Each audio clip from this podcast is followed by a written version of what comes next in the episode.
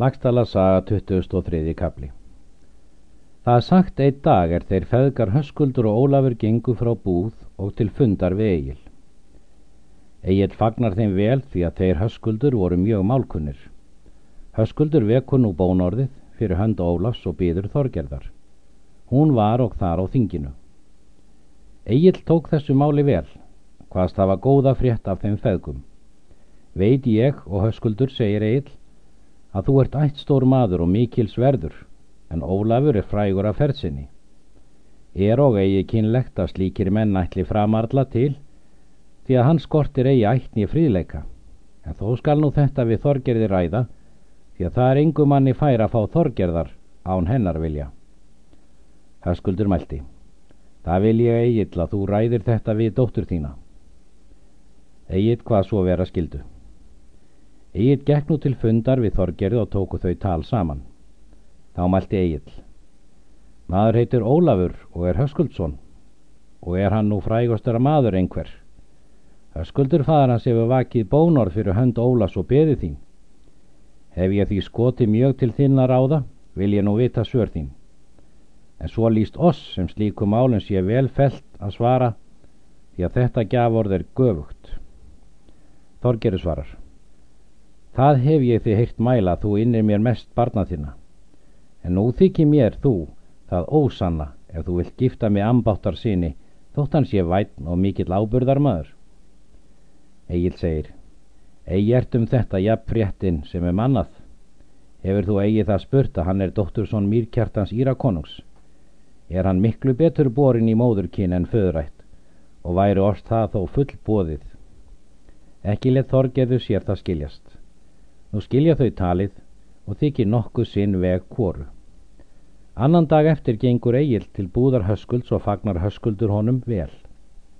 Takk hann út tal saman. Spyr höskuldur hversu hafði gengið hafi bónásmálin.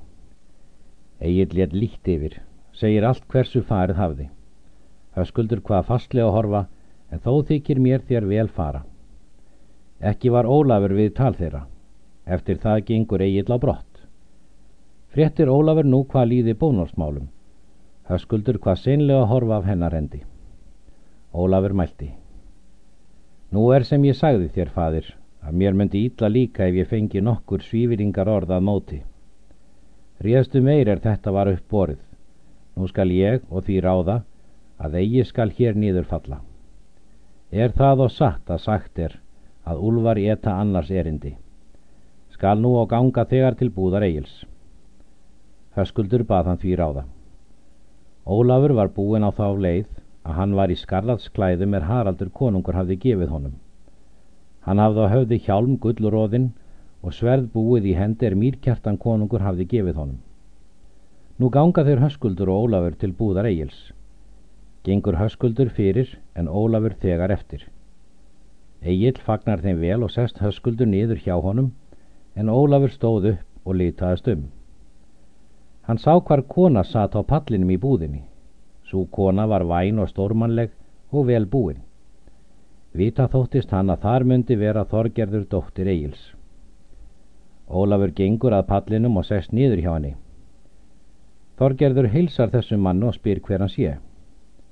Ólafur segir napsitt og föðusins. Mun þér þykja djarfur gerast ambáttar sonurinn, er hann þorir að sitja hjá þér og ætlar að tala við þig? Þorgerði svarar. Það myndu hugsa að þú mynd þykjast hafa gert meiri þóran raun en tala við konur. Síðan taka þau talmiðli sín og tala þann dag allan. Ekki heyra aðri menn til talsteira og áður þau slitu talinu er tilheimtur eigill og höskuldur. Tekst þá af nýju ræða um bónarsmálið Ólafs. Víkur Þorgerður þá til ráða föður síns. Var þá þetta mál auðsótt og fóru þá þegar festar fram. Var þeim þá und af metorða lagstælum því að þeim skildi færa heim konuna. Var ákveðin brullaupstefna á höskuldstöðum að sjö vikum sumars. Eftir það skilja þeir eigill og höskuldur og ríða þeir feðgar heim á höskuldstaði og eru heim um sumarið og er allt kýrt. Síðan var stopna til bóðs á höskuldstöðum og ekki til sparað en ærin voru efni. Bóðsmenn komi að ákveðinni stefnu. Voru þeir borgfyrringar all fjölmennir, var þar Egil og Þorsteit són hans, þar var og brúður í för og vali lið úr héræðinu. Höskuldur hafði og fjölmennt fyrir, veistla var all sköruleg, voru menn með gjöfum á brott leitir. Þá gaf Ólafur egli, sverð, mýrkjartansnaut og varð eigill all léttbrútn við gjöfina. Allt var þar tíðendalaust og fara menn heim.